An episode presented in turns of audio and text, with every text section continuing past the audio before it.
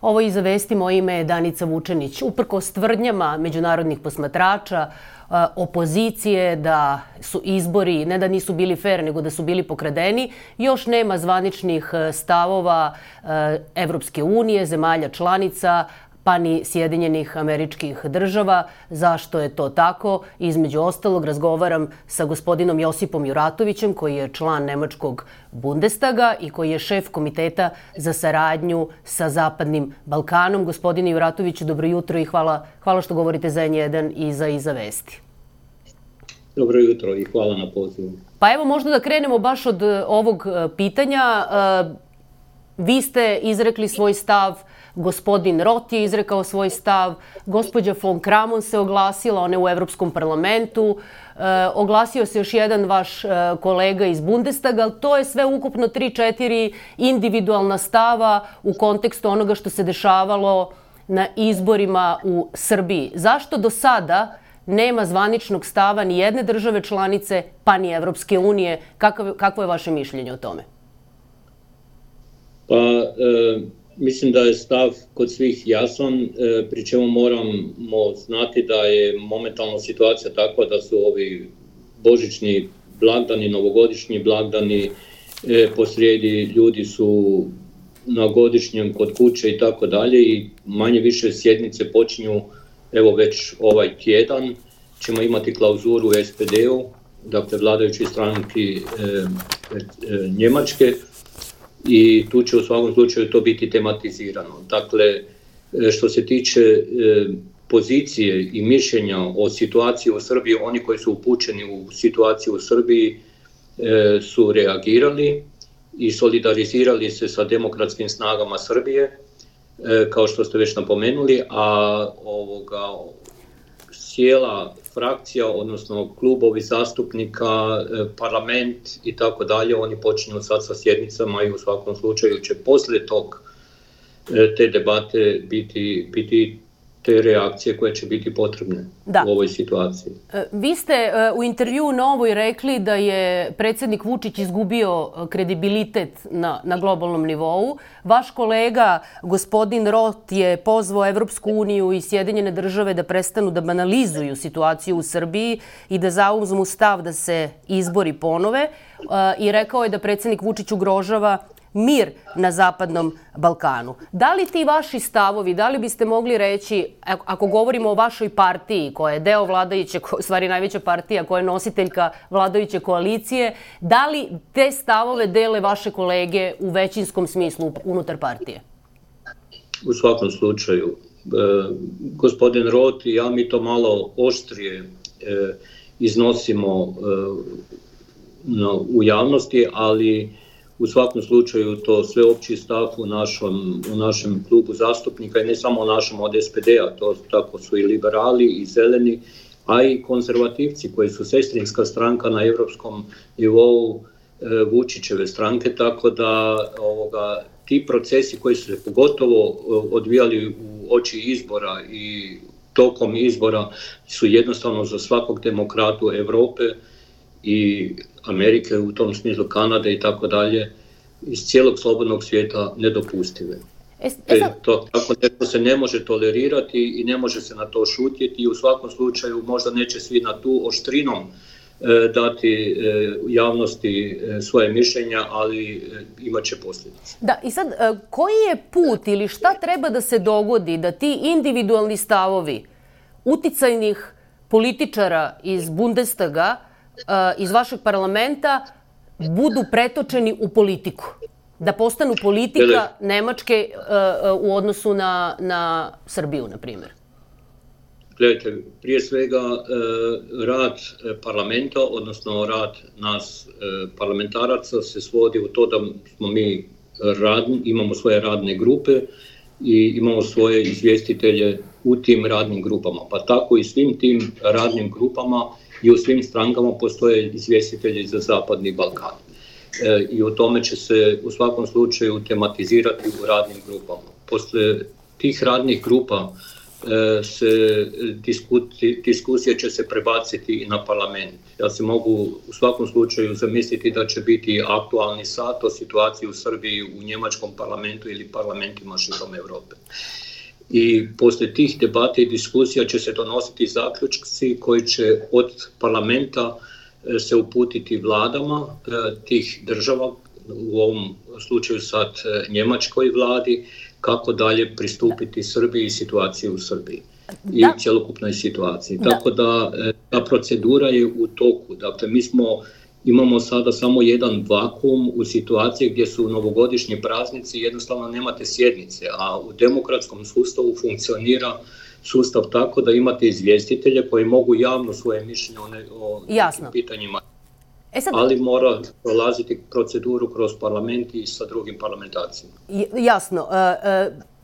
E, e, sad postavljam pitanje, e, tražim od vas faktički da anticipirate, ali u suštini mislim da to neće za vas biti teško imajući u vidu da se nalazite na toj poziciji na kojoj se nalazite.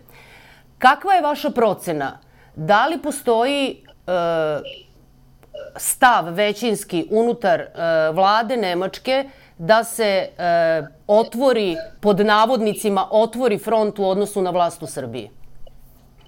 E, gledajte, prije svega ja sam poslanik e, koji je 18 godina u njemačkom parlamentu i koji relativno dobro e, zna ocijeniti i procijeniti situaciju njemačke politike, njemačke vlade i ne samo njemačke nego i Evropske unije.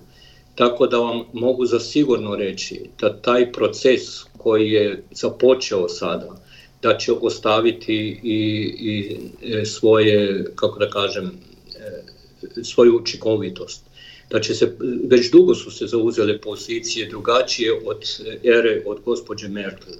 Već dugo se jednostavno više ne mogu neke stvari u Srbiji tolerirati po pitanju demokracije. Već dugo se više ne tolerira i ta činjenica i svačeno od svih da Vučić sa nama e, se igra da jedno govori, drugo radi. U stvari mi svi znamo šta on da. radi i to se to na neki način jedno vrijeme toleriralo, ali više se ne mogu neke stvari tolerirati. Srbija ovo što je sada sa zadnjim izborima napravila je pogazila sva demokratska pravila koje su se mogli pogaziti, povredila sve što je mogla povrediti u jednom demokratskom sustavu i demokrati bez obzira odakle smo i, i da li smo konzervativni, progresivni, zeleni, liberali, koje god, ali demokrate ne možemo to tolerirati i to će ostaviti u svakom slučaju da. i dalje, e, e, odnosno mogućnost daljnjih procesa naspram Srbije i vlade Republike Srbije. Hajte nam pomozite da razumemo ovo. Nemačko ministarstvo spoljnih poslova je, to ste verovatno videli, to uh, i naši, naši gledalci znaju, je uslove u kojima su održani izbori u jednom, e, jednom oglašavanju na društvenoj mreži X nazvalo neprihvatljivim za zemlju kandidata za Evropsku uniju. Šta sad iz perspektive vaše zemlje to znači neprihvatljivi izborni uslovi? Da li to znači da Nemačka neće priznati vladu koja se formira posle ovakvih izbora? E, kad e, Ministarstvo vanjskih poslova, dakle to je vlada, to je dio vlada i ključni segment e, vlade Savezne republike Njemačke, daje takvu izjavu, onda je jasan signal da logično mi ne možemo nametati Srbiji kakvu će vladu imati, to mora Srbija sama. Ali isto tako na drugoj strani mi ne možemo sve tolerirati što se do sada zbivalo i, i još jednom kažem, ne, mi nećemo sigurno e, sada sve veze sa Srbijom prekinuti jer s time e, smo sve te veze koje imamo sa Srbijom kažnjavamo i narod. Dakle i onaj narod na čijoj strani smo, a to su prije svega demokrate. Nego u svakom slučaju će biti naspram Vučićeva vlade ogromna rezerva, a to će imati i daljnji utjecaj na daljnje procese, na primjer po pitanju ulaganja u Srbiji Srbija ima 350.000 radnih mjesta koji su ovisni od ulaganja od zapada. I sa takvom vladom, sa takvim odnosom između Evrope, dakle slobodnog demokratskog svijeta i Srbije, će u svakom slučaju nastati i opres oko daljnjih ulaganja. Biće određenih suzdržavanja u pristupu, Da. e, kod pristupa naspram Srbije. Dakle, to će vući jedan cijeli proces koji neće doći preko noći, neće odmah Srbija preko noći primijetiti, ali će srednjeročno, ja kažem, e, će ostati teške posljedice za Srbiju i zato bi preporučio vladi da se dobro razmisli e, kako želi dalje opstati, kako želi dalje raditi, jer momentalno se osjeća moćnom i nadmoćnom, ali dugoročno će sam narod shvatiti da sa tom vladom nema šta više e, u budućnosti tražiti. Da li, samo ovo da, da objasnimo, dakle, e, razumem da se dešavaju određeni procesi ko, koji, koji, koji moraju da slede protokole unutar uh, demokratskog dijaloga u vašoj zemlji, parlament, odnos sa vladom i tako dalje, da se tu formulišu politike. Ali u kontekstu uh, jasnog stava prema ovoj situaciji postizbornoj, odnosno izbornoj, da li biste mogli da nam kažete da li se u Nemačkoj čekaju definitivni izveštaj posmatrača, pa da se zauzme taj stav ili, ili se čeka nešto drugo? Dakle, e, dobro, hvala na tom pitanju. Šta je posrijedi? Demokracija i naši sustavi, Europska unija, mi ne govorimo na pamet. Mi, mi nismo, e, mi ne gatamo. Mi ne reagiramo i na svaku izjavu, e, pa makar i bili to naši prijatelji, nego želimo potvrđeno od OEPS-a. Kad OEPS definitivno potvrdi da ima neregularnosti u izborima i tako dalje, tada ćemo zauzeti prema tomu jasan stav. E, momentalno znamo svi, osjećamo svi e, da je posrijedi su neregularnosti, da se igralo i pretjeralo totalno sa izbornom kampanjom, ali e, u svakom slučaju e, mi moramo imati jasne, fundirane e, izvješća na koje se možemo osloniti i to je onda argument, to je i platforma na kojoj možemo Dobre. dalje raditi. Dakle, ne, jednostavno trebamo potvrdu onoga što svi znamo, ali trebamo oficijalnu potvrdu i ona će doći najkasnije do kraja mjeseca. I sad se postavlja pitanje, ja znam da ste vi u Nemačkom parlamentu, ali svakako imate komunikaciju i sa kolegama iz Evropskog parlamenta i konačno iz Evropske unije. Nemačka deluje u ovom trenutku sa stavovima svojih vodećih e, poslanika iz parlamenta usamljeno u Evropi, pa da ne kažem u zapadnom svetu kada je reč o oštrini odnosa prema krizi u Srbiji? E, jedno moramo znati, niko, niti jedna evropska zemlja, odnosno Evropske unije se nije toliko zalagala za, u situaciji Zapadnog Balkana i za budućnost Zapadnog Balkana. Nijedna zemlja nije davala toliko, e, toliko kako da kažem, značaja E, suradnji sa Zapadnom Balkanom i sa zemljama između Zapadnog. Ja mogu samo napomenuti, na primjer, e, e, balkanski proces balkanskih zemalja i tako dalje. To sve berlinski proces. Berlinski, dakle, da. Imate, berlinski proces. Imate dakle procese koji su pokrenuti iz Njemačke, jedan dio sam i ja se borio za to jer mi sam se samo osjećam kao dio E, te regije koje želi mir i stabilnost u regiji i da konačno demokracija i demokratske snage pobjede. I ovoga, tako da se logično do sada u Europsku uniju dosta toga prepušta i Njemačkoj i Njemačka stoji i pada sa tim procesom naspram e, Zapadnog Balkana. Ovim ostalim zemljama oni se orijentiraju prema Njemačkoj dosta jako, i, ali u svakom slučaju ja znam i razgovaram sa kolegama na europskom planu, i Austrija, i Slovenija, i Hrvatska, i Češka, i Slovačka, i, Ma, i Mađarska isto, ali i u Francuskoj, Holandiji, jako se budno prati onih koji su E, glasnogovornici, odnosno izvjestitelji za tu regiju, šta oni kažu, kako e, se postavljaju prema, na toj poziciji i oni će sigurno davati, isto kao što to Juratović i moje kolege ovdje daju izvješća, da. E, će davati svoja izvješća.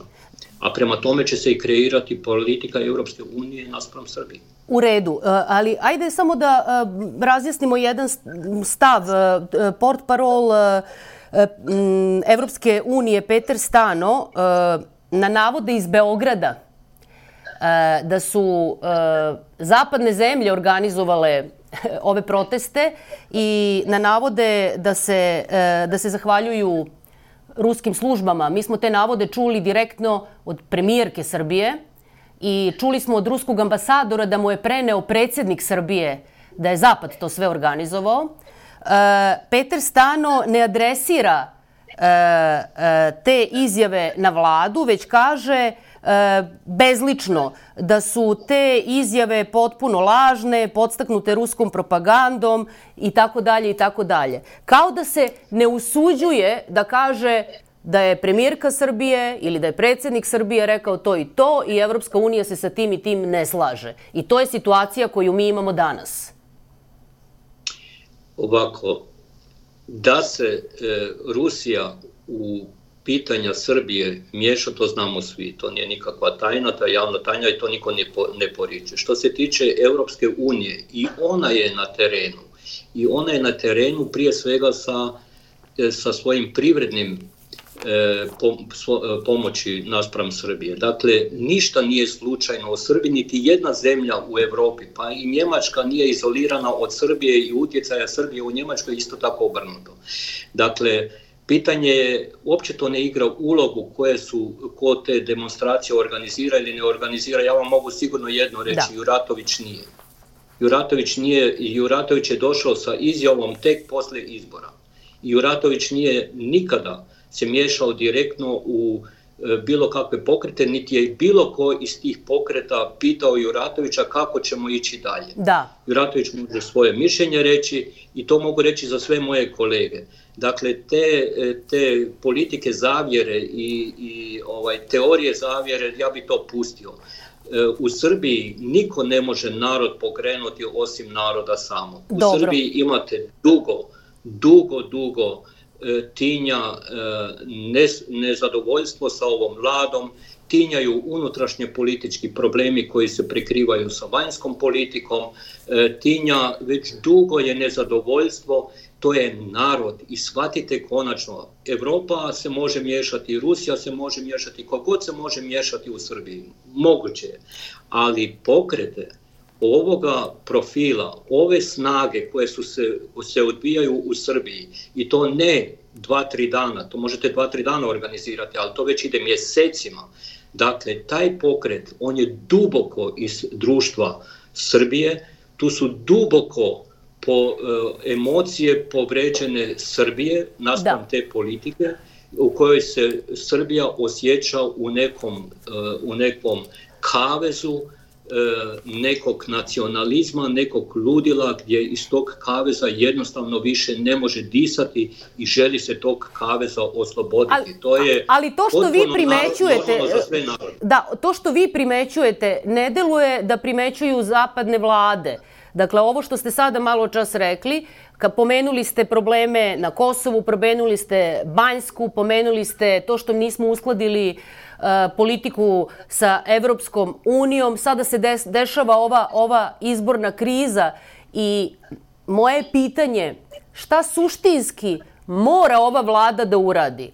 Kakav iskorak da napravi pa da se zauzme jasan stav u odnosu na to? ova vlada mora zauzeti stav demokratskog, demokratske vlade. Dakle, prije svega ova vlada ne može biti vlada jednog čovjeka i ne može se orijentirati prema jednom čovjeku. Ova vlada mora prihvatiti e, e, pravila igre koje su fair, fair i gdje su svi da. građani Srbije jednaki, gdje su svi imaju, sve stranke koje tamo e, imaju političke interese, imaju iste šanse, iste mogućnosti. To je prvo što treba prihvatiti, to je osnova, osnova demokracije. Dakle, kad će ta vlada to prihvatiti, onda možemo i normalno razgovarati. Onda ću i ja respektirati volju srpskih građana, E, da su da. izabrali tu vladu i morat ćemo je svi respektirati. Ovako, kada se na ovakav način uspostavi jedna vlada, u stvari to nije vlada, to je jedan čovjek koji e, praktično je, je gazda nad svim i svačim e, života i smrti, bi čak rekao, u Srbiji, onda ja ne mogu kao demokrat, niti bilo ko u tom, tom demokratskom svijetu može to tolerirati. Jasno I, može, i, i jednostavno prihvatiti činjenicu, ok, to su takva je situacija, idemo dalje. I sad me zanima, da li, e, na koji način je u Nemačkoj zapravo uh, prihvaćeno, na koji način ste čuli u okviru vladajuće koalicije optužbe da se jedna strana zemlja meša u izborni proces u Srbiji i da jedna strana zemlja, da se o toj stranoj zemlji koja, kako je rekao predsednik, je uticajna, da se o njoj piše elaborat. Ministar odbrane kaže piše ga bija. Ako uzmemo u obzir naslov nedavni iz tabloida da su Nemci, da žuti ološ sa Nemcima izaziva nerede, nerede u Srbiji, odnosno ruši Srbiju, kako vi to sad doživljavate te optužbe? Da li to pa, doživljavate kao pretnju, kao uvredu, kao šta je to?